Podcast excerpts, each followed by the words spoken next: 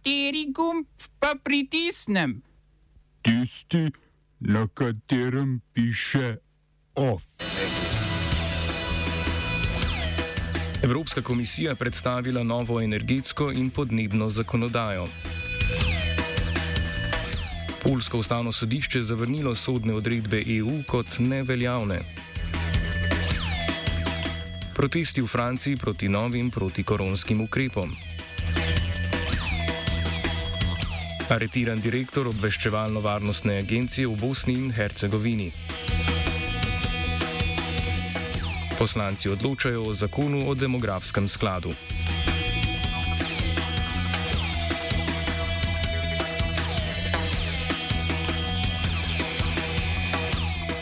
Evropska komisija je v sredo objavila predlog energetske in podnebne evropske zakonodaje, ki naj bi pred koncem desetletja zmanjšala emisije oglikovega dioksida za 55 odstotkov in sprožila odločen odmik od fosilnih goriv.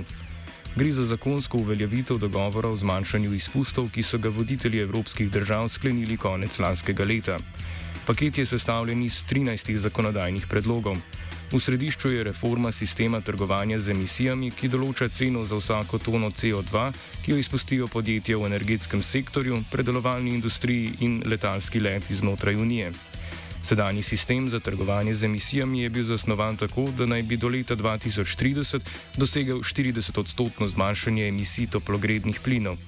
Cilj komisije je prilagoditi sistem in ceno kuponov novemu 55-odstotnemu cilju in razširiti sistem na emisije iz ladijskega prometa ter hkrati vzpostaviti ločen sistem emisijskih kuponov za emisije iz transporta in ogrevanja.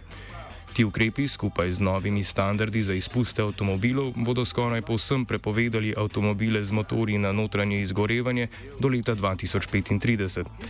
Načrt je zbudil precej zaskrbljenosti glede konkurenčnosti evropske industrije.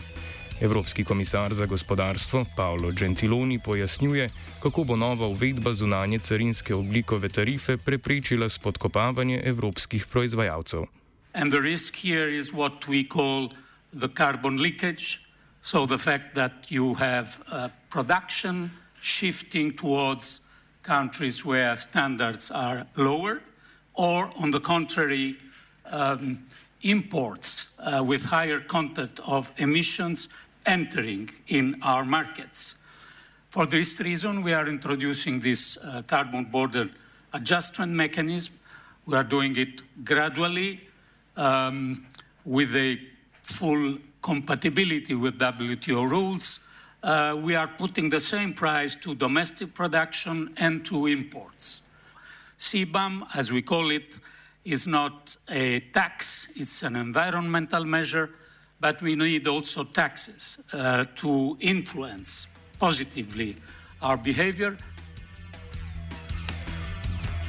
Med drugim namerava komisija sprejeti močnejša in preglednejša pravila upravljanja za gozdarstvo in ponovno potrditi svojo zavezanost strogemu varovanju vseh primarnih in starejših gozdov. Rast gozdov bo pri izračunu izpustov prispevala k oduzemu oglika iz ozračja, tako da bo zmanjšanje izpustov iz zgorevanja fosilnih goriv dejansko manjše od 55 odstotkov.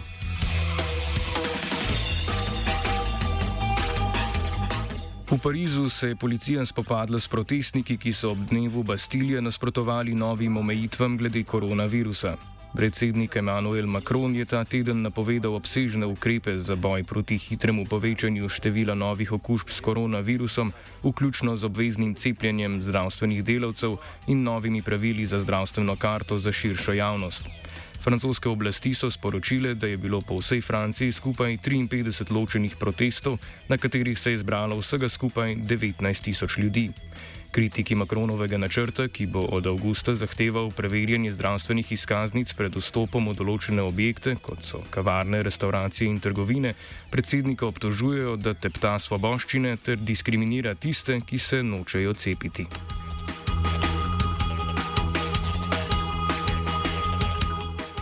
Špansko ustavno sodišče je presodilo, da je bila stroga odredba o zaprtju države, ki jo je španska vlada v prvem valu COVID-19 lani izdala v izrednih razmerah, protiustavna. Ustavna sodba je rezultat tožbe španske skrajno desne stranke Vox. Vodja Voxa Santiago Abascal je zato španskega premijeja Pedra Sančeza pozval naj odstopi. Medtem ko je sodišče upoštevalo večino pogojev izrednih razmer, je hkrati navedlo, da so določbe, ki prepovedujejo gibanje na ulicah, razen zaradi nujnih opravkov, kršile špansko ustavo. Španska vlada je izredno stanje razglasila marca, ko je Sančezova levičarska koalici koalicijska vlada za izredno stanje dobila parlamentarno podporo tudi strani poslancev Voxa.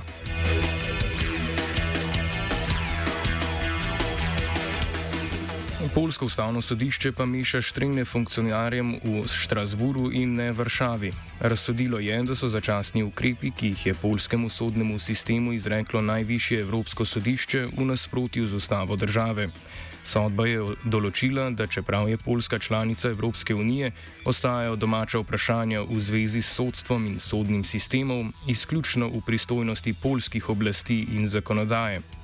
Pravni strokovnjaki so odločitev razložili kot potezo po volji vladajoče nacionalistične stranke Zakon in pravičnost, da spodkopava moč zakonov Evropske unije v državi. Omenjeni začasni ukrepi se nanašajo na odločbo sodišča, ki je odredilo začasno ustavitev novega senata na Vrhovnem polskem sodišču, ki je bil ustanovljen za discipliniranje sodnikov in toživcev. Nenaklonjenost Polske evropskim pravilom samo prispeva k obstoječim napetostim med sedanjo polsko vlado in Evropsko unijo.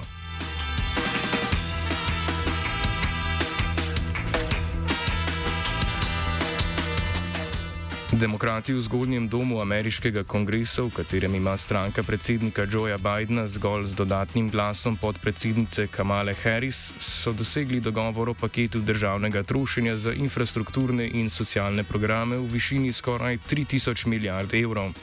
Znesek je enak, kot ga je najprej predlagal predsednik Biden, ki pa se je na to odločil za pogajanja s predstavniki sredinskih kril obeh strank, kjer se je zaradi želja republikancev oklestil za več kot dve tretjini.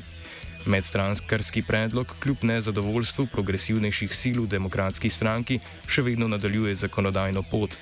Dogovor demokratov je tako alternativni zakonski predlog, ki je precej obsežnejši in po željah stranke, a zaenkrat še ne vsebuje nobenih podrobnosti o prioritetah državnih investicij.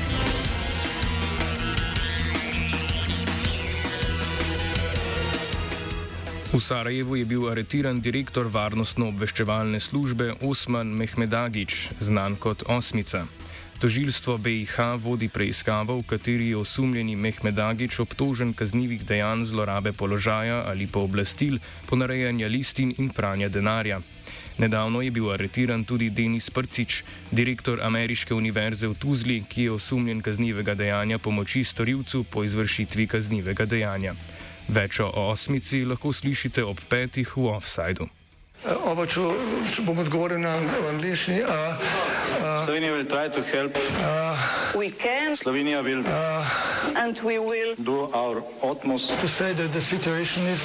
Our problem ourselves. And uh, we will. Uh, make further steps as soon as the conditions are. Bomo vlado Marjana Cerer, Marjana Cerer Šarca podprli. Uh, very, very serious. From Slovenia. We know how and we will. Poslanci bi morali danes končno odločiti o zakonu o demografskem skladu, prav tako je bilo na dnevnem redu ponovno glasovanje o spremembah zakona o nalezljivih boleznih, na katere je državni svet v začetku tedna izglasoval veto. A očitno se pri štetju glasov v koalicijskih vrstah ponovno zapleta. Kot poroča Radio Televizija Slovenija, naj bi se v koaliciji odločili, da o spremembah zakona o nalezljivih boleznih, pri čemer je za preglasitve veta državnega sveta potrebnih 46 glasov, danes ne glasujejo. Prav tako je pod vprašanjem glasovanja o zakonu o demografskem skladu. Kot je znano, je bil ta zakon koalicijsko že usklajen, močno pa mu nasprotuje novi predsednik Desusa Ljubo Jasnič. Glasovanje o demografskem skladu, ki bi skoraj vse državno premoženje prenesel pod isto streho, bo tako tudi preizkus odnosov med poslansko skupino in vodstvom upokojenske stranke. V primeru sprejema zakona so sicer sindikati že napovedali zbiranje podpisov za zakonodajni referendum.